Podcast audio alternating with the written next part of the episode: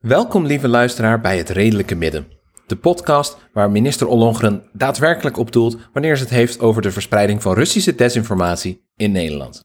We zijn vandaag met huisfilosoof Thijs Kleinpaste Hallo. en in haar debuut Marloes Lezer, die ene dikke feminist met al die jurken. Hallo. Hallo. En ik ben Pim van den Berg en ik doe shit met populaire cultuur. Maar hij weet niet wie Anita Meijer is. Cultuur die andere mensen ook populair vinden, eh, Pim, of alleen jij? Nee, nee, nee, eh, ik moet het populair vinden en daarna mogen andere mensen het ook leuk vinden. Ah, oké. Is- Zo werkt de kritiek. Ja, oké. We gaan het vandaag ergens over hebben. Ethiek. En ethiek, dat is voor de ander, is wat Romy zegt. Burgers worden strenger gecontroleerd en afgerekend dan bedrijven en vermogenden. En het is vele malen erger als je geen witte, cis, heteroman bent. Ik noem even wat voorbeelden in de afgelopen weken. Minister Ollongren wederom, die niet ziet in een huurstop en huisbazen liever vraagt om eh, maatwerk te leveren. Hier hadden we het vorige week al over. Of hoe belastingontwijking geen criterium wordt voor een steunpakket voor bedrijven. Wat fijn. Want daar kunnen we niet op controleren. Maar wat de Belastingdienst wel kan controleren, om een of andere reden, is als mensen een dubbele nationaliteit hebben en daar dan extra op getarget worden, etnisch profileren. Of wanneer eh, mensen die aan, in aanmerking komen voor kinderbijstand worden aangemerkt als fraudeurs. Of wat dacht je van de ZZP'ers die nu worden onderhevig zijn aan een inkomenstoets om in aanmerking te komen voor steun? En ook een inkomenstoets van hun partner. Inkomenstoets van hun partner inderdaad. Dankjewel Marloes, want dat is inderdaad wat het is. Dus al met al gelden er strengere regels voor burgers dan voor bedrijven. En dat is een beetje eh, de Twilight Zone. Thijs? Ja? Topsy-turvy land, onderste bovenwereld. Ja. Ja, ik... ehm, ja, mijn... ehm, mijn vraag is... ehm, is, is, is, is de klacht dat er geen... ehm, dat daar onvoldoende ethiek uit blijkt? Zeg maar, dus dat dat... Want volgens mij ehm, is een deel van het probleem dat er... zeg maar dat wij misschien veronderstellen ten onrechte, maar dat moeten we dan misschien even navragen bij, bij die overheidsorganisaties, eh, dat er wel zoiets is als een, als een ethiek die dit soort beslissingen, ehm, ehm, beslissingen motiveert. Terwijl je het ook zou kunnen hebben over dat er gewoon verschillende regimes zijn voor verschillende eh, categorieën van, eh, van, van economische actoren. Als je, als je behoort tot de factor arbeid, dan kun je in de poep zakken. En als je behoort tot de factor kapitaal, dan kun je eh belastingboet incasseren. Ja, en er wordt. eh, we hadden het vorige week ook over eh, de weinige lasten die de vermogenden hoeven te dragen met betrekking tot de coronacrisis. En waar we niet aan toe zijn gekomen, is eh, de kwestie die ook in het artikel van Vrij Nederland over de quote 500 tijdens corona wordt gesteld, is: is het onethisch? Is het immoreel om eh, gebruik te maken op het ene moment van eh, ontzettend voordelige belastingpakketten of om zelfs belasting te ontwijken. En dan onmiddellijk met je hand uitgestrekt te staan wanneer de samenleving dreigt om te vallen en zij onmiddellijk hulp nodig hebben. En dan is er een ethicus die, eh, dat woord genaamd wordt in het artikel, en die noemt het niet per se immoreel, maar amoreel. Ja. ja, dat lijkt me wel correct. Wat jij Marloes? Kan iemand even voor mij samenvatten wat precies het verschil is tussen immoreel en amoreel? Want Nou, immoreel is denk ik een soort houding die zich wel op een bepaald niveau bewust is van wat de moraliteit voorschrijft, maar daar eh, opzettelijk eh, afstand van neemt. Dus opzettelijk probeert precies dat te doen wat dan niet moreel gevonden wordt. Terwijl amoreel is een manier van handelen die niet eh, primair wordt geleid door opvattingen over moraliteit. Dus, eh, maar gewoon over dat wat ehm, mensen ja, eh, nuttig vinden. Er is, ehm, je, je zou kunnen zeggen dat er ehm, ehm, eh, in, in, in de. ehm ik is even te twijfelen of ik nou Machiavelli erbij moet halen of niet. Wat denk Ja, jullie? wel ja. Altijd lekker, toch? Doe maar. Ja. Nou, er is ehm, een, van de, een van de redenen waarom we Machiavelli nog steeds lezen, is dat eh, zijn boek over de prins, dat handboek voor heersers over hoe ze het beste eh, hun macht kunnen bestendigen en kunnen uitbreiden en hoe ze eh, lang in Ja. een positie van macht kunnen, kunnen blijven. Ik las dat toen ik 18 was, omdat ik een enorme edgelord was. Ga verder. Oké, ja, nou, het, wordt, het wordt veel gelezen nog door politieke, ehm, eh, in de politieke theorie. Ehm, en er zijn een beetje twee reacties op. Er was de reactie van veel tijdgenoten die, zei, ehm, die zeiden: Oh, wat is dit een afschuwelijk onchristelijk boek? Het is volstrekt immoreel, want alles wat hier wordt aanbevolen is, eh, is, is volstrekt in strijd met, ehm, met, met, met de christelijke waarden, waarvan we dan hopen dat, dat, heersers, eh, dat, dat heersers zich eraan houden.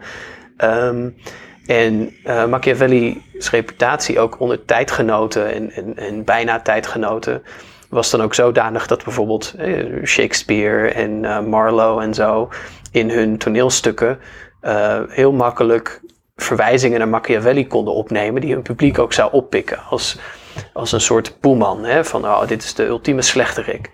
Eh, terwijl ehm, nu veel mensen die eh, Machiavelli bestuderen zeggen van nou, het is helemaal niet, je moet het helemaal niet zien op de as immoreel of moreel. Je moet het zien op de as moreel amoreel. Machiavelli doet helemaal geen uitspraken over moraliteit, omdat hij zegt dat is niet relevant voor mij. Ik ben geïnteresseerd in belangen en macht en in doen datgene wat die macht eh, bestendigt, wat die belangen eh, garandeert. En dat lijkt me ook wat die bedrijven dus aan het doen zijn.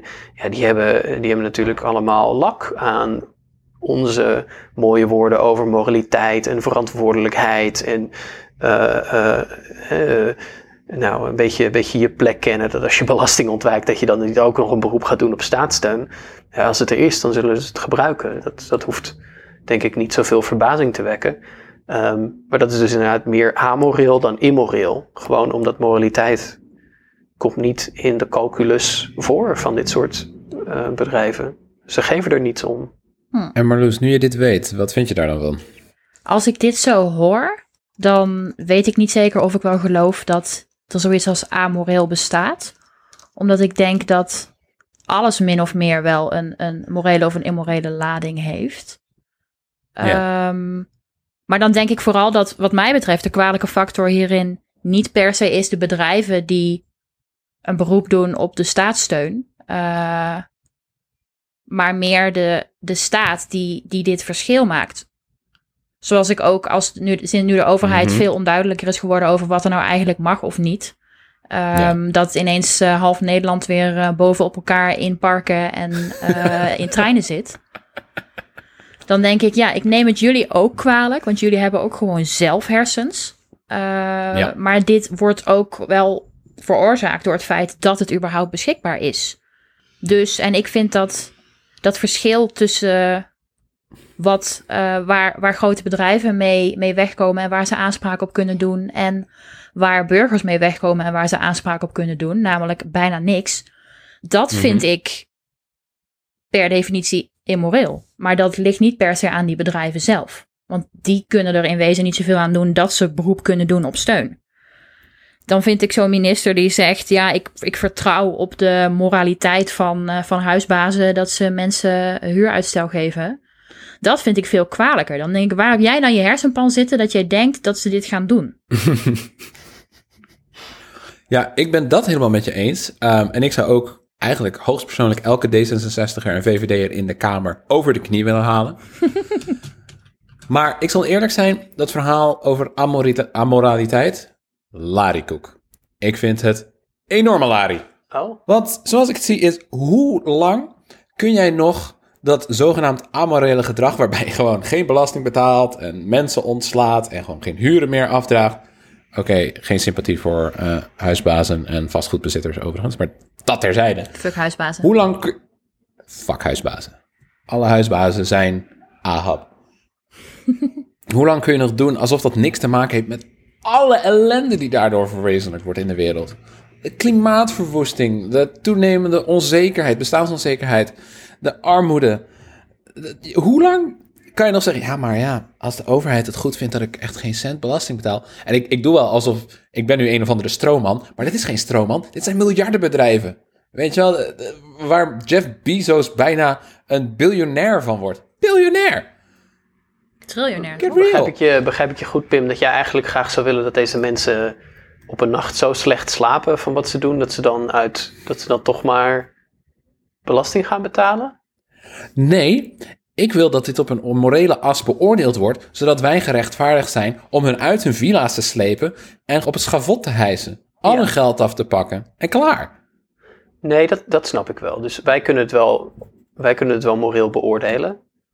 Ehm, maar dat, dat, dat staat denk ik los van hoe die bedrijven het zelf beoordelen. Ehm, Ja, maar nie- niemand, nou ja, oké, misschien sommige mensen wel, maar niemand gaat toch van zichzelf zeggen: Oh goh, ik ben eigenlijk wel een ontzettende klootzak omdat ik doe wat ik nu doe.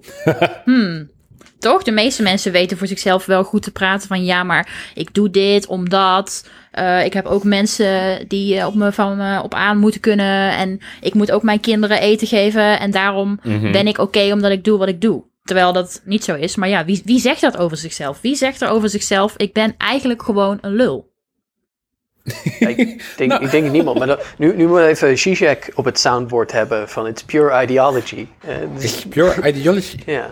Maar ik, ik denk dat het, ehm, het denken in dat soort kringen heel erg doordrongen is van een ideologie die ze, die ze zegt van ja, het lijkt misschien wel dat we iets niet goed doen of zo, maar, ehm, maar dat is niet, niet waar. Een beetje in, in de trant van, ehm, van die oude leugen, private vices en public benefits. Van, eh, wij, wij, wij, het lijkt misschien wel slecht, maar er, er is een publiek belang mee gediend. Dat publieke belang is dan, weet ik veel, economische groei of innovatie. Ehm, nog los van het feit dat dat op totale nonsens is gebaseerd. Maar er zal inderdaad wel iets zijn op basis waarvan individuele actors het voor zichzelf goed kunnen praten.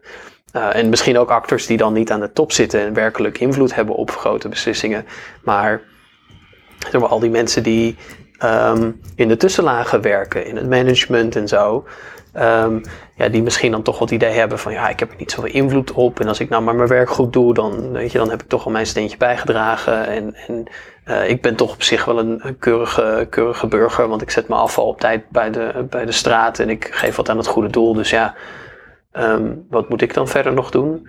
Maar dat is denk ik um, tegelijkertijd misschien wel een indicatie van de tekortkomingen van het morele denken. Omdat je dus daarmee ja, misschien wel de focus verlegt naar um, individueel gedrag in plaats van ja, hoe, hoe, moet je nou zo'n systeem inrichten dat ongeacht iemands moraliteit de uitkomst mm -hmm. nog altijd goed is. Ja, uiteraard.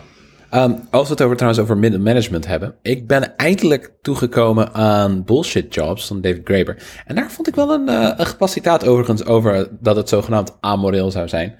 Um, hij haalt daar Jeffrey Sachs aan. Dat is zo'n uh, zo'n prominent Amerikaans econoom. Niet een heel populair figuur in onze kringen. Maar die zegt dan over uh, Wall Street figuren die pakken wat ze pakken kan, omdat het kan. Deze mensen hebben geen verantwoordelijkheid om belasting te betalen. Ze hebben geen verantwoordelijkheid jegens tegenpartijen bij transacties. Ze zijn keihard, inhalig, agressief en ze zijn losgeslagen. De manier waarop ze het systeem bespelen is ongekend. Ze zijn er oprecht van overtuigd dat ze een door God gegeven recht hebben om zoveel mogelijk geld te pakken als ze maar pakken kunnen krijgen, op welke manier dan ook, legaal of anders. En dat impliceert toch uh, geen schattenboutjes, maar uh, smeerlappen die zich verschuilen achter een zweem van amoraliteit en structureel falen. Ja, ik hoor daar eigenlijk juist wel een soort moreel in. Als jij zegt hè, een soort door God gegeven mm-hmm. recht, dan klinkt het alsof zij denken dat wat zij doen goed is vanuit een soort van het doel heiligt de middelen gedachtegang. Ja. Maar dat ze dus wel een, een goed of fout gedachtegang hebben over hun eigen handelen. En dat ze zichzelf gewoon exact. inschalen bij goed. Dus dat is dan ook wat mij betreft niet amoreel. Nee, precies. Amoreel voelt voor mij meer als, als een soort van. Ja, het, het, ik zie heel veel raakvlakken met, uh, met privilege. Met mensen die, die wit privilege hebben of, of mannelijk privilege. Of die dingen soort van kunnen laten afglijden omdat het toch niet echt over hen gaat. En ze er niet echt mee te maken hebben. En ik doe mijn ding wel en zoeken jullie nou maar uit wat er dan eh, wel en niet oké is. En laat het me weten als jullie eruit zijn. Dat je je zeg maar een soort van kunt distancieren. Ja, Maar ik, ja, dat kan niemand, denk ik. maar wat, daartegen, wat Thijs eh, zegt, ik denk dat het wel klopt, want we kunnen dan wel eh, een moreel oordeel vellen, maar dat is misschien niet de meest productieve wijze om dat probleem aan te pakken. Ja, maar ja, nou, ook omdat er opnieuw denk ik verschillende dimensies van het probleem zijn. Dus wat jij beschrijft, Pim, dat klinkt als een soort Nietzsche, maar dan voor Wall Street. Van, nou, we gaan gewoon voorbij goed en kwaad en ik geloof er niet in. En het is mijn belang om, zeg maar, mijn, om de positie die ik heb en de, en de, eh, die, om die ten, ten volle te benutten en uit te buiten. Ehm, ter meerdere eer en glorie en vooral rijkdom van mijzelf. Ja, Ehm, en er zal ongetwijfeld ook een bedrijfscultuur zijn die dat heel erg stimuleert. Hè, van, van mensen die elkaar eh, opzwepen tot, eh, tot, tot steeds grotere inhaligheid. En ook een soort Mhm. ehm, dat elke week of elke maand misschien wordt vergeleken wie de grootste verdien, eh, verdiener is en dat soort dingen. Ik geloof dat daar wel een cultuur is en dat, het, dat die cultuur op zichzelf door en door verrot is. Maar volgens mij wordt het, zeg maar, volgens mij los je het probleem niet op door te zeggen van nou, als daar nou wat eh, ethischere mensen waren of zo, of mensen die wat meer cursussen bedrijfsethiek hadden gevolgd, dan was het al een stuk, dan scheelde het al een slok op een borrel.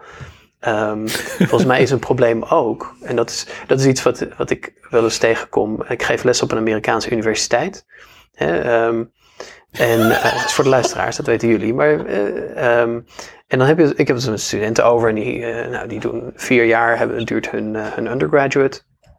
En op een gegeven moment, je komt elkaar tegen op campus en je maakt een praatje. En toch een heel groot deel van de studenten die ik spreek, die bijvoorbeeld heel getalenteerd waren in de politieke theorie, waarvan ik echt denk, oh, daar zou je iets mee moeten doen. Weet je, die melden dan toch aan het eind van hun studententijd heel trots dat ze zijn geselecteerd om op Wall Street te gaan werken. bij een groot bedrijf. Eh, en dan kun je denken van, eh, wat zonde dat je je talenten vergooit. Totdat je realiseert dat die mensen soms ook een ton studieschuld hebben. eh, Mhm. Of meer.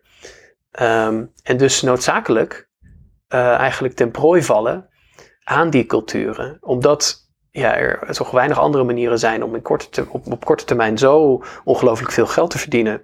Dat je die studieschuld weer af kunt betalen. Hmm. Ehm, dat, ja, dat je ook niet zoveel andere mogelijkheden hebt. En op een gegeven moment, als je Hmm. natuurlijk lang genoeg in zo'n Wall Street omgeving ehm, functioneert, ja, dan word je vanzelf wel, denk ik, hard genoeg murf gebeukt dat je het ook niet meer eh, je anders kunt voorstellen. Eh, maar er zit een structurele component. Die Hmm. ik denk ik, hè, die, die misschien al wel begint bij. Snel, stel dat je dat eh, onderwijs gratis maakt, of in ieder geval zo betaalbaar als het in veel Europese landen is, zonder studieschuld, niet Nederland. Ehm, zou je dan niet al een heel andere eh, economie creëren? Waarin je dus niet de noodzaak hebt om dit soort absurde eh, eh, bedragen te, te verdienen. Ja, ik snap wat je bedoelt. Dan zit je inderdaad bij persoonlijke verantwoordelijkheid versus een soort van collectieve verantwoordelijkheid of bedrijvenverantwoordelijkheid. Ja, nou en ook Dus, omdat ja. zeg maar, het, het gedrag van, van die studenten op zich rationeel is. Hè? Mhm. er, er, er, is een grote beloning die op je staat te wachten als je goed onderwijs volgt. Dus er is, een, ja. eh, er, is een, er is een reden om te proberen naar een zo goed mogelijke universiteit te gaan. Maar je wordt ook, ehm, ja, je wordt ook opgezadeld met zo'n grote schuld dat je wel moet. Dat je je dus eerst naar dat systeem moet gaan schikken. Ja, en dan ben je een makkelijke prooi om daar op een gegeven moment in ingebed te raken. Dus je- als je niet de systeemcomponent erbij pakt, en dat is denk ik die amorele component, die gaat gewoon om prikkels, misschien wel. Ik weet niet zo goed hoe je dat dan moet noemen. Ehm, dan, dan, dan, dan loop je op een gegeven moment, eh, als je dat niet doet, dan loop je op een gegeven moment tegen de grenzen aan wat de morele veroordeling nog, nog kan. Nou, en wat je Ja, ook als mens kunt doen. Dat Ja. eh, zie je ook in heel veel andere discussies, bijvoorbeeld over eh, ehm, plastic. Eh, dan wordt er gezegd, ja, we moeten geen rietjes meer gebruiken, geen wegwerprietjes, want dat is heel belangrijk. En dan zeggen eh, mensen die bijvoorbeeld eh, een, een beperking hebben van wat voor soort dan ook, ja, leuk, maar plastic rietjes zijn voor mij de enige optie. En die krijgen daar dan soms heel veel vervelende reacties op van ja, je moet doen wat je kunt. Terwijl plastic rietjes van de plastic soep echt, ik geloof 0,1% uitmaken of zo. Ja, het is niet veel. Het gros komt van scheepsnetten. Ja, precies. Dus in plaats van dat we mensen shit gaan geven voor. Ik bedoel, natuurlijk zijn je, ben je ook verantwoordelijk voor je eigen persoonlijke keuzes. En moet je daar de, de voor jezelf best mogelijke keuzes in maken. Zodat je jezelf recht aan kunt kijken in de spiegel. Maar er is maar zoveel wat jij kunt doen. Ja, ja. nou ook, ook um, ik, ik zag berichten langskomen bijvoorbeeld in. Um, uh, van, van nou, wat, wat is er nou in de afgelopen maanden, terwijl de wereldeconomie eigenlijk tot, tot stilstand komt, of in ieder geval op een stuk lager niveau functioneert en iedereen binnen blijft en er dus veel minder wordt gereisd en geconsumeerd en al dat soort dingen, dat er wel een, een dipje zit in uh, de uitstoot van bijvoorbeeld broeikasgassen en andere schadelijke stoffen. Maar dat, hoe klein dat dipje is verhoudingsgewijs met wat industrie uitstoot, ook, een, uh, ook maar weer eens aantoont dat individueel gedrag nooit het klimaatprobleem gaat oplossen. Maar dat je dus gewoon met politieke macht uh, wetgeving moet maken, afspraken moet maken, waardoor bepaalde uh, activiteit gewoon volstrekt misschien wel onmogelijk wordt gemaakt. Uh, yes. Tenzij je het volstrekt duurzaam doet. He, dus, dus, maar, um, um, en, en, en, en opnieuw, ik denk dat je daar ik denk dat het beginpunt, zoals jullie allebei zeggen, wel eh, moreel is. Hè? Namelijk gaat over een bepaalde verantwoordelijkheid en, en, en, een ethiek in zich draagt over wat voor een wereld we zouden willen hebben. Um, maar dat de as waarop je dat oplost niet is. Uh, geloven mensen zelf individueel wel genoeg in die moraliteit om hun eigen gedrag daarnaar vorm te geven? Maar dat dat juist dan die uh, amorele component is, waarin je een structuur maakt, waarin welk gedrag dan ook in principe uh, uh, niet leidt tot het ondermijnen van, uh, van, die, van die doelstelling. Ja, want een grondbeginsel is natuurlijk, de meeste mensen deugen gewoon. Ja, maar het zou er niet toe moeten doen. Je, je kent mij als eeuwig genuanceerd. Maar het zou er niet toe moeten doen of mensen deugen, ja of nee. Waarom niet? Maar, Um, omdat, um, omdat dat volgens mij precies um, uh, de, de zaak niet oplost. Omdat het een beroep doet op het individueel vermogen om, uh, om de hele wereld in beweging te zetten naar een, ander, naar een alternatieve uh, manier van, van leven. Ja, dat, we, we, hebben niet voor niets eeuwenlang ons het hoofd gebroken over hoe we het beste effectieve instituties kunnen vormgeven om uh, problemen van collectieve actie op te lossen. Omdat we niet altijd een beroep willen doen op individuele actie. Het zou er niet. Uh, uh, dat, dat is de aard van. Kijk, als we allemaal engelen waren, dan hadden we geen, um, geen, geen overheid nodig. En ik weet wel dat dat niet helemaal het punt is van, van Brechtman. Ik denk alleen dat Brechtman, daar hadden we het natuurlijk over toen we zeiden de meeste mensen deugen. Ik denk alleen dat Brechtman um, zijn, een, een veel te benauwde blik heeft op zeg maar, de aard van het probleem, die institutioneel is en niet persoonlijk. Nee, dat denk ik ook. Maar los van alles vind ik het persoonlijk wel belangrijk om te proberen zoveel mogelijk een goed mens te zijn. Dus in die zin oh, doet het er voor mij wel toe. Zeg maar, in die zin maakt het voor mij persoonlijk wel uit. Dus misschien dat we even op een totaal verschillend spoor zitten rondom het woord de meeste mensen deugen. Maar ik ja, vind dat het zou er inderdaad structureel en systeemkritisch technisch moet het er niet toe doen. Maar op persoonlijk niveau denk ik wel dat we moeten proberen om gewoon zo goed mogelijk mensen zijn. Ik vind het helemaal roerend met je eens. Maar ik denk, ik denk dat je een heel belangrijk punt maakt. Maar er zijn denk ik twee sferen of dimensies waarin dat, waarin dat uh, tot stand komt. Ik denk dat als je, kijk, uh, zeg maar, het, het aloude ethische beginsel, don't be a dick, is, uh, is extreem belangrijk. En dat gaat volgens mij vooral om situaties waarin je persoonlijk met iemand interacteert. Hè? Behandel elkaar met respect. Mm. Um, maar stel jij, um, stel jij werkt, um, weet ik veel, bij, bij, stel jij werkt bij de Belastingdienst. Mm.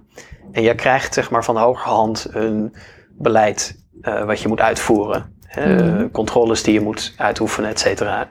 En jij zegt, hé, hey, maar wacht even, dit klopt niet, want we zijn hier aan het etnisch profileren. dan is het fijn dat jij eh, persoonlijk de moraliteit bezit om daar misschien tegen te protesteren.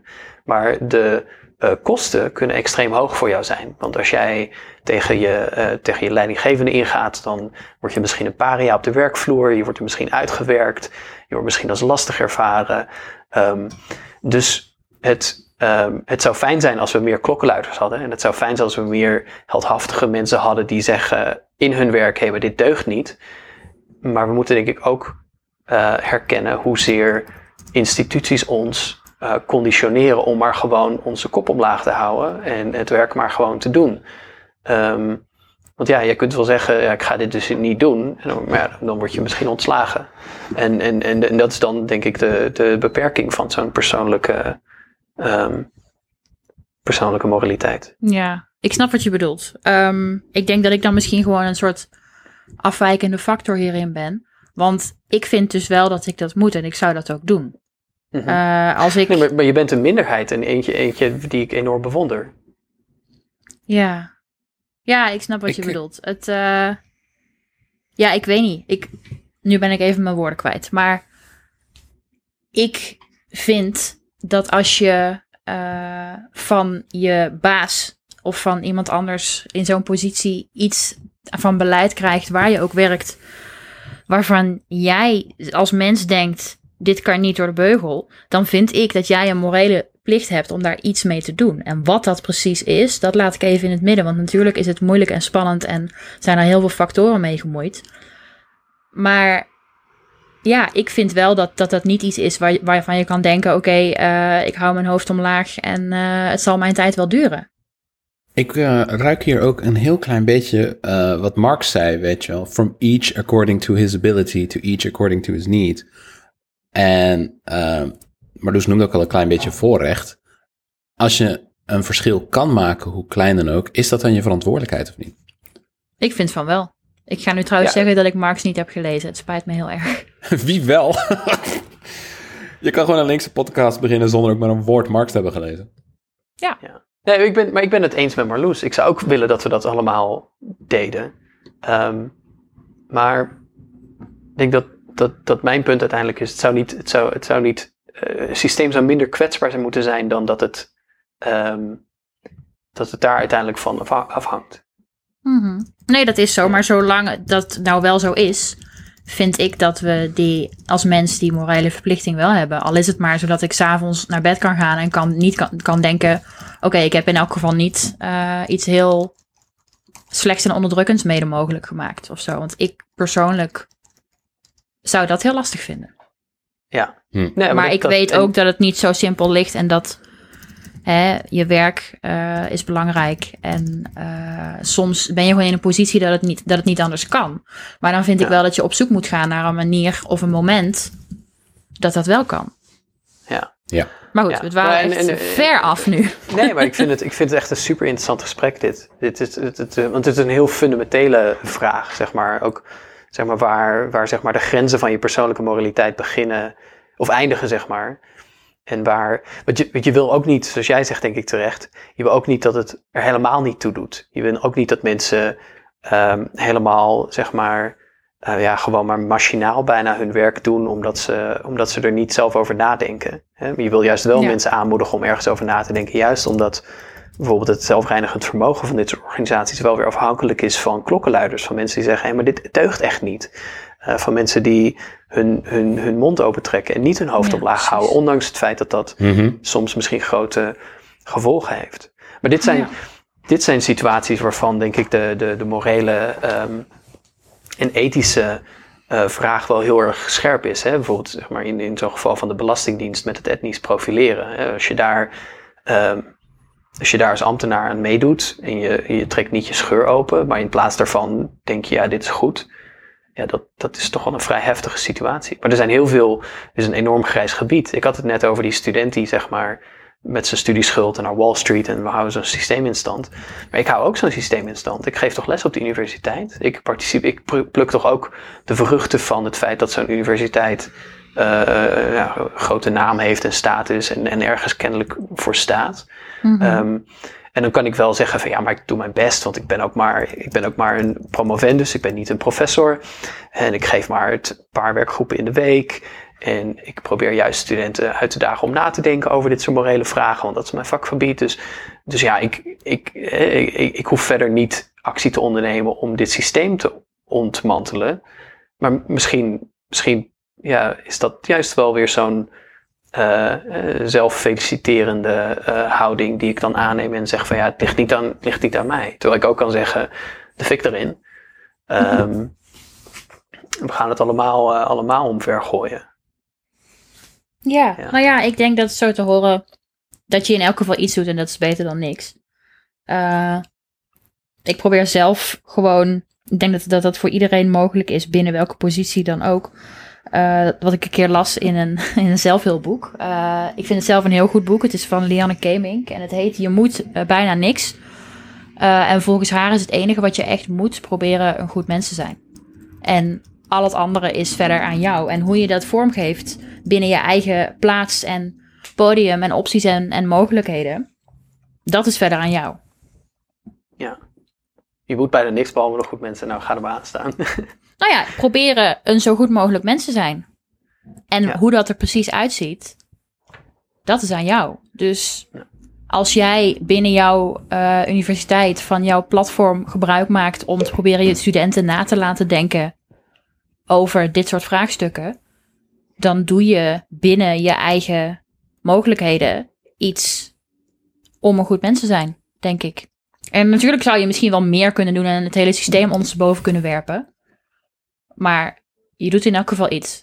Nog even over zelffelicitatie gesproken. Eh Thijs schreef een uitstekende blogpost nog over eh Bregmans gedachtegoed. En ik plaats die wel even in de show notes. Oh, dankjewel. Doe dat.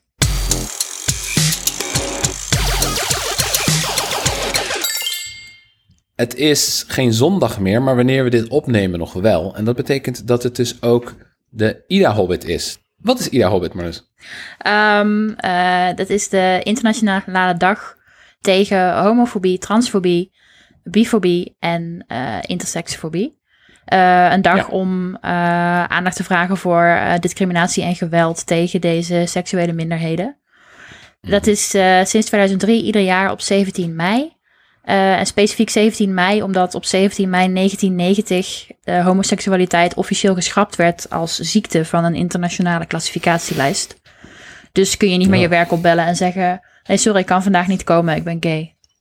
Dat was een protestvorm, hè, destijds. Ja, fantastisch vind ik dat. Ja, heerlijk. Ja, maar we hebben het dus over voorwaardelijke acceptatie.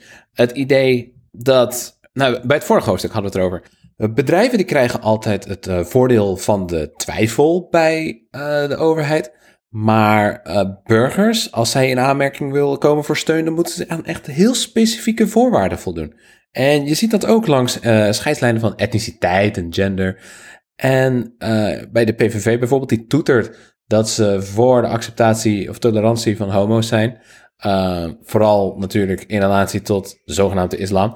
Uh, maar wanneer een puntje bij paaltje komt, het beleid dat helemaal niet doet. Nee, ik heb hier ooit onderzoek naar gedaan voor een blog. Toen was ik 16, dus mijn onderzoek was een beetje kwakkelend.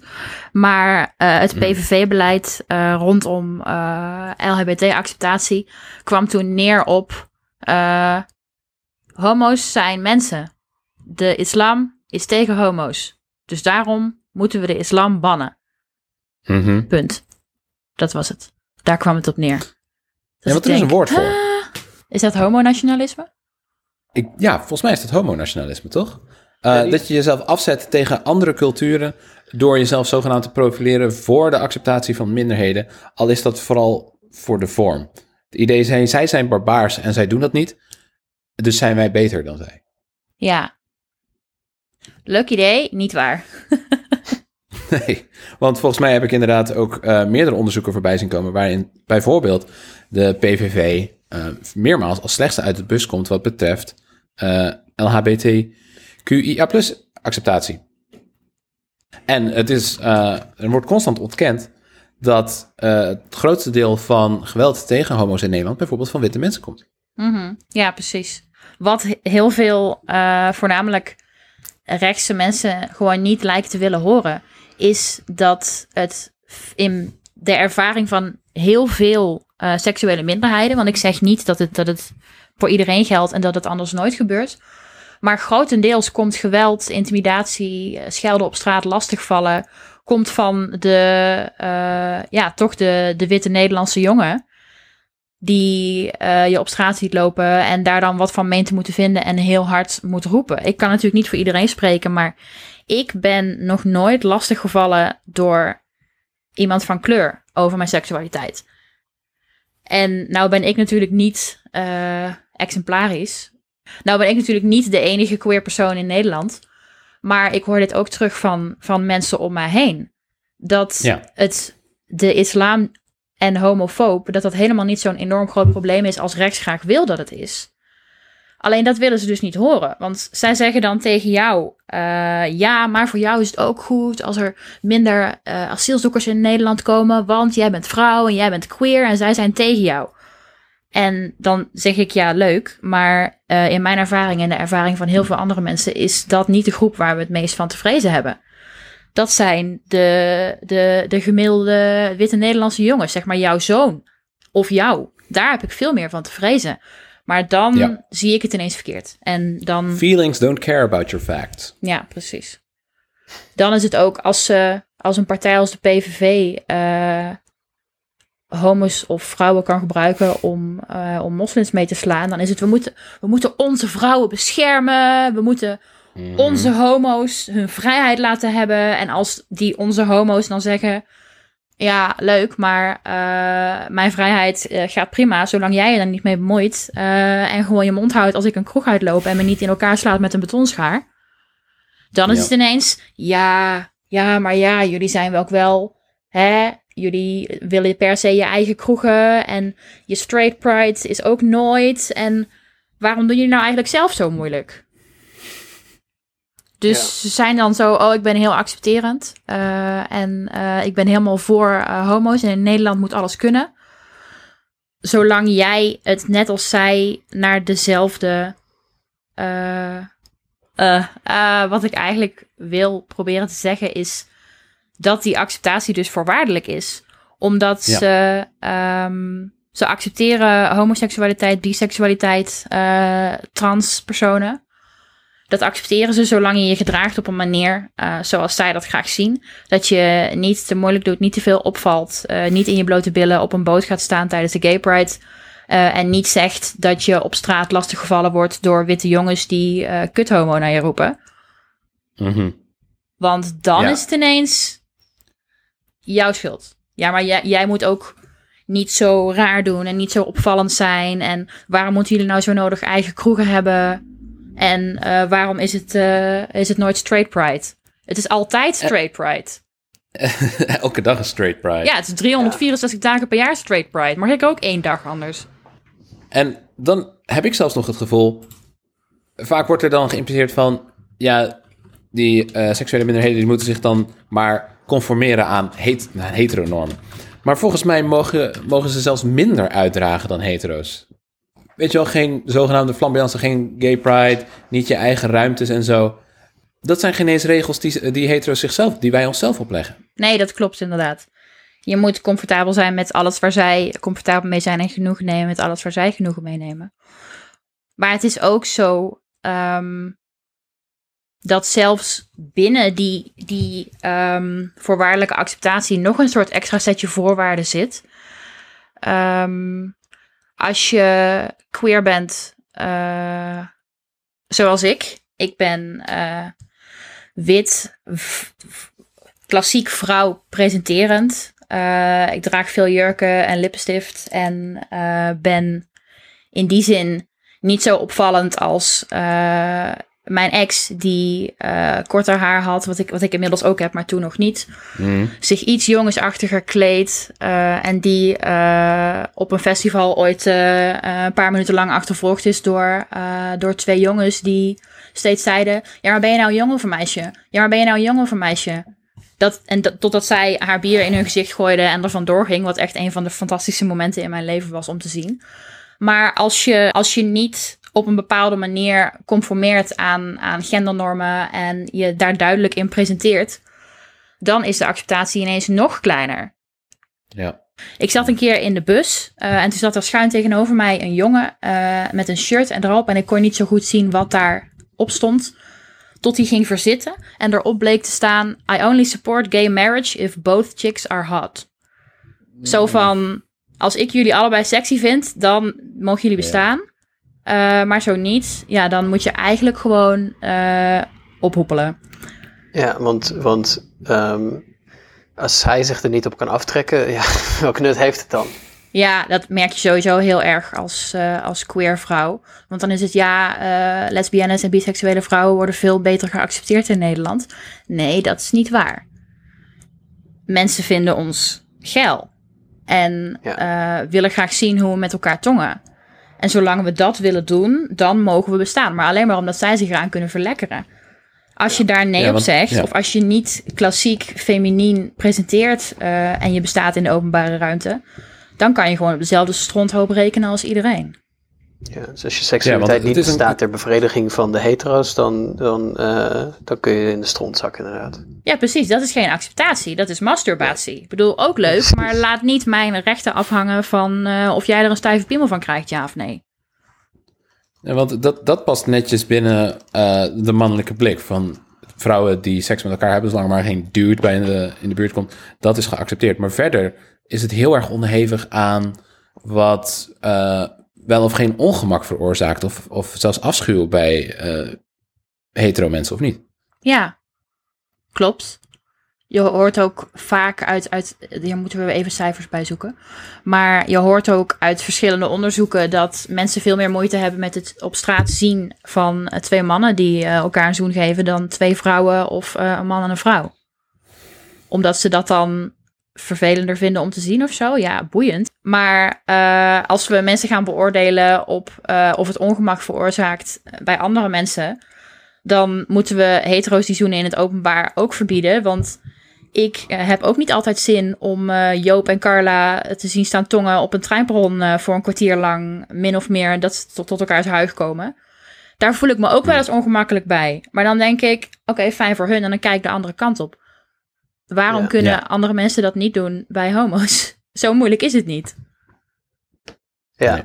ja, precies. Dat is de klassieke oom die zegt, ja, ik heb er geen moeite mee, maar ze moeten, ze moeten niet, ik moet het niet de hele tijd moeten zien. Dus ze moeten wel van me afblijven. Ja, dus ik, ik wil gewoon naar de sportschool kunnen. Dan wil ik niet eh, dat iedereen zo naar mijn kont zit te staren of zo. Weet je, dat, dat, Ja. dat idee. Ja, Maar dan ehm, zelf wel naar de kont van alle passerende dames staren op het terras. Want zo Ja, werkt het dan ook precies. wel weer. Ja, ja, ja.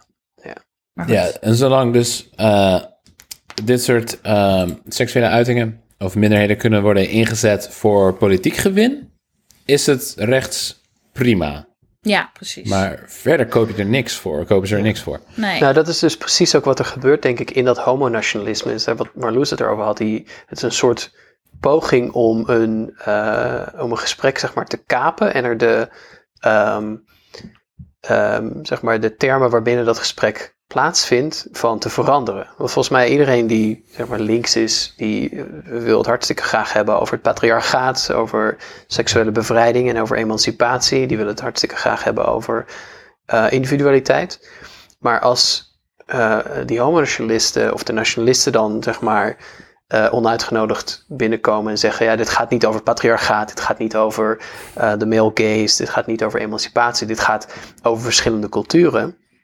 Dan hebben ze de termen veranderd waarbinnen dat gesprek eh, plaatsvindt. En ineens, daar, zit natuurlijk een heleboel ehm, dingen die daar mis mee zijn. Eén, er wordt verondersteld dat dit inderdaad een probleem is tussen verschillende culturen. Namelijk de Nederlandse cultuur die hier geen probleem mee heeft. En een andere cultuur die daar wel een probleem mee heeft. Dat is evident niet waar. ehm, want zo werkt dat niet. Ehm, en ineens. ehm, eh, maar, maar, maar dat is, dat is de, de, de move, denk ik, die in homonationalisme zit. Er wordt, er wordt op een soort eh, piraterijachtige manier worden de termen van het gesprek gekaapt en getransformeerd in iets eh, wat er niet mee te maken heeft, namelijk een culturele component. Terwijl het zou moeten gaan over inderdaad eh, patriarchaat, over eh, traditionalisme versus tegenover, tegenover individualisme en, en, en emancipatie. Kijk, dat zijn gesprekken die kun je prima hebben en die moet je hebben. Die zijn noodzakelijk voor, ehm, voor, voor, voor links. Maar ja, je kunt ze niet hebben in het begrippenkader van, van nationalisme. Want nationalisme is een begrippenkader wat een absurd, absurditeit is. Nou, en het is ook bijna een soort gaslighting. Eh, als ze tegen je zeggen, ja, maar dit, dit is jouw ervaring. En dit is jouw ervaring. Eh, moslims zijn slecht voor jouw acceptatie. En als je dan zegt, nou ja, Ja. dat is niet mijn ervaring. Mijn ervaring is dat ik last heb van mensen zoals jij. En dan zeggen ze, ja, maar dat is niet waar. Of ja, maar je bent de uitzondering. Of ja, maar dan heb je mazzel. Want als je in Amsterdam, of als je in Rotterdam zou wonen, in eh, die en die wijk, dan zou je, weet ik veel, dan volgt er weer iets. Dus ik denk, oké, leuk dat jij mij uitkomt leggen wat ik meemaak. Maar het is, het is gewoon niet zo. Ja. Het is zo dat mensen van kleur eh, wel eens seksuele minderheden lastigvallen. Hè, dat ga ik niet ontkennen, dat gebeurt. Want het gebeurt gewoon überhaupt. Het gebeurt door, door mensen van kleur, het gebeurt door witte mensen, het gebeurt door mannen, het gebeurt door vrouwen, het gebeurt door lange mensen, het gebeurt door korte mensen. Het is gewoon een heel erg groot probleem. Ja, om, omdat, omdat van kleur of van een bepaalde eh, religieuze overtuiging of van een bepaalde etniciteit niet het, eh, zeg maar, ja, dat, niet, niet, niet de eh, variabele is die hier het gedrag bepaalt. Nee, maar de variabele is eh, ja, eh, patriarchale opvattingen, ehm et cetera.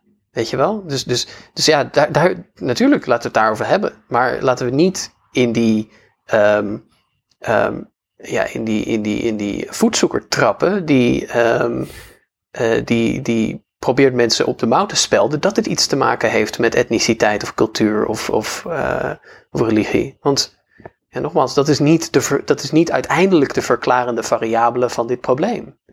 Maar je komt er ook gewoon niet onderuit. Want als er, als er, als er nu een nieuwsbericht verschijnt over eh, eh, homo's of lesbiennes die zijn lastiggevallen door mensen. Dan komen daar reacties onder. Als er, als er in het nieuwsbericht staat dat het mensen van kleur zijn, dan komen daar reacties onder met zie je wel. Als er in het nieuwsbericht staat dat het witte mensen zijn, dan komen daar reacties onder met ja, maar weten we dat wel zeker, want hè, moslims. En als er Ja. niet specifiek in staat eh, door wat voor jongens het gebeurd is, dan komen er reacties onder met ja, er wordt weer zeker weer verzwegen eh, dat het om, eh, om eh, mensen van kleur gaat. Hè? En je, je, je komt er gewoon niet onderuit. Vandaag had, had Rob Jetten die video waarin die homofobe reacties voorleest die hij zelf heeft gekregen. En dan zie ik daar ook alweer mensen onder hangen met ja, en het komt allemaal door de islam. Dan Ja. blijf je gewoon hangen in je eigen, je eigen praatje. En daarmee blokkeer je gewoon een heel belangrijk gesprek. Want we moeten dit gesprek voeren. Alleen, zo werkt het niet. Het is ook, ehm, het is ook makkelijk te denken ehm, dat het heel hypocriet is van rechts. Om enerzijds te zeggen, ah, we zijn eh, pro-acceptatie, maar dan beleidsmatig dat volledig tegen te staan. Maar dat is natuurlijk alleen als je dat vanuit die eh, soort van retorische blik krijgt. Als je, als je een consequent gedachtegoed verwacht. Maar politiek gezien werkt het allebei naar hetzelfde doel. En dat is natuurlijk, ehm, nou bijvoorbeeld, het uitsluiten van islam in de samenleving. Ja. En wat dat betreft werkt dat prima. En het is, ehm, het is meer, wij projecteren, we zijn misschien geneigd om onze eigen verwachtingen voor een beschaafd gesprek en een leuke beschaving daarop te projecteren. Maar eh, ja, rechts heeft daar gewoon lak aan. Als zij zin hebben om te liegen over hoe, hoe zeer ze homo's accepteren en hoe, in hoeverre moslims daar eigenlijk hoofdverantwoordelijk voor zijn, eh, voor de homofobie. Ja. En Dan, zoveel, eh, ja, prima voor hen, want zij bereiken hun punt daarmee. En zoveel ruimte, zoveel, zoveel afstand zit er natuurlijk ook niet tussen de bewering. Ik heb geen moeite met homo's als ze maar uit mijn buurt blijven. En ik heb geen moeite met moslims als ik ze maar niet zie. Ehm, dat, volgens mij zit daar een grondhouding achter die, eh, die, die, die, die best wel vergelijkbaar is. Ja, eh, wat je hierin ook weer ziet is dat ethiek voor andere mensen is. Eh, in een gesprek wat ik hierover had met eh, ons uitstekende redactielid en co-host Romy. Zij zei op een gegeven moment, ehm, moslims moeten zich aan onze normen en waarden houden, maar zelf doen we het niet. En dat is inderdaad precies wat hier gebeurt. De, we, er wordt een Hmm. soort van eh, gedrag van moslims verwacht. Ja, jullie moeten hier accepteren eh, dat homo's bestaan, want zo doen we dat in Nederland. Maar zo doen we dat helemaal niet in Nederland. Want Nederland is een heel tolerant land. En dat zeggen mensen altijd alsof het iets goeds is. Yep. Maar dat is het niet. Want tolerantie betekent, ik, ik laat het feit dat jij bestaat maar gewoon gebeuren. Ook al ben ik het eigenlijk niet met je eens. Maar ik ga je niet actief bestrijden. Dus als mensen zeggen Nederland is een tolerant land, dan zeg ik ja, dat klopt. En dat is niet iets positiefs. En dat is, als iets de Nederlandse cultuur is, dan is het dat. Dus ja, als we dan echt willen dat eh, moslims en eh, vluchtelingen onze cultuur accepteren, dan eh, ja, moeten ze dat maar gaan doen. Want dat is blijkbaar wat de Nederlandse cultuur is ten opzichte van, van homo's. Ik heb liever niet dat ze bestaan, maar ik ga ze niet actief tegenwerken. Dat is wat tolerantie is. Ik vind dit wel een mooi onderwerp om nog eens wat dieper in te gaan, ook in een, in een eh, toekomstige aflevering. Want ik ben altijd wel heel sceptisch over hoe, hoe tolerant, eh, zelfs in de gunstige opvatting daarvan, eh, of, of zelfs een ongunstige opvatting moet ik zeggen daarvan, zoals jij die geeft, Marloes, Nederland eigenlijk is. Ehm, volgens mij is Nederland, denkt het inderdaad graag dat het een tolerant land is, maar oef. Ik wil nu graag even horen wat je hiermee bedoelt, want ik ben nu heel nieuwsgierig. Nou, zoals jij zegt van, van tolerantie is A is helemaal niet, helemaal niet zo goed. Want je, want je komt in feite in de paradox terecht van verdragen wat je dus niet wenst te verdragen. Mhm. Ehm, maar ik denk zelfs dat dat met dat verdragend vermogen, dat dat heel, heel klein is. Dat Nederlanders graag denken dat ze tolerant zijn, omdat ze pragmatisch zijn of zo. Of dat ze inderdaad hè, wel om kunnen gaan met mensen, ondanks het feit dat ze misschien persoonlijk dan daar wat anders over denken. Ik denk dat ook dat niet het geval is voor Nederland. Ik denk dat Nederland eh, een best een heel naargeestig land is eh, qua, Mhm. qua hoe, ehm, hoe repressief het eigenlijk is. Ja, dat denk ik ook. Het redelijke midden. Het redelijke midden, deze week. Ehm, Thijs, Het eh, redelijke midden van deze week is dat iedereen die per se geen mondkapje wil dragen en daar maar niet over raakt uitgepraat, ook best voor duct tape mag kiezen. Blijft leuk. geldt dat ook maar voor Twitter, weet je wel? Ehm, nou, dan doe ik de mijne wel eventjes. Ehm, het redelijk midden van deze week is... er wordt geen Divi, maar Divo-bokaal uitgereikt... voor muzikale artiesten die met rode hoedjes... de bizarre wereld waarin we leven weerspiegelen. En de eerste ontvanger is meneer Lalala voor Bevroren Patat. Whip it! Whip it good! Dank u. Dank u. Marloes. Ja, eh, mijn redelijke midden is niet iets ironisch of iets cynisch, maar iets wat ik oprecht graag zou willen. Eh, mijn redelijke midden van deze week is dat alle ondernemers coronasteun aan kunnen vragen. Of Gert-Jan Segers zo nou op hun nek zit omdat ze sekswerker zijn, of niet. Want werk is werk. Cheers to that. Cheers to that. Dan wil ik nog even kwijt. Sommige mensen die luisteren deze podcast ongetwijfeld omdat ze een parasociale relatie hebben ontwikkeld met Jaap Strongs. Jaap is er gewoon nog. Hij hoort er gewoon nog bij. Maar die man is zo druk bezig op Twitter en met zijn campagnes Containment nu. En stop die golf, breek de golf. Dat hij simpelweg geen tijd heeft voor de podcast. Dus geen zorgen. We komen hem weer tegen. Maar momenteel is gewoon shit to be done. Jaap, we houden van je. Denk om je hart en je bloeddruk. En volg hem op Jaap Strongs eh, op Twitter. Je kan Marloes vinden op Journaloestiek. Ja. Thijs Kleinpast op Kleinpaste Thijs. En Pim van den Berg op @bvdpim. Luister ons op je favoriete podcast-app, behalve Spotify. Geef ons 5 sterren en abonneer, want dat ben je de linkse eenheid verplicht. En verder, een hele fijne avond en hartelijk bedankt voor het luisteren. Houdoe. Doei!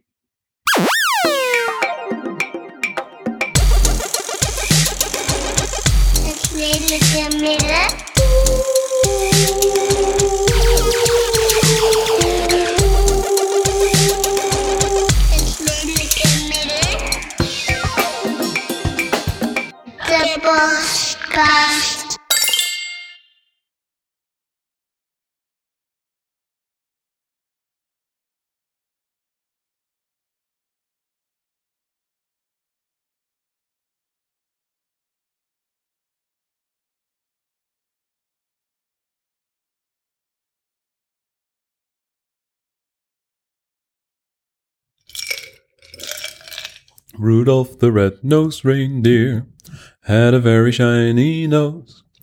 And if you ever saw him, you would even say it glows. En dan ken ik de tekst niet, maar ik ga gewoon weer door. En dan zingt kerstman nog wat, en gaat het allemaal in koor. Rudolph with your nose so bright, won't you eat the rich tonight?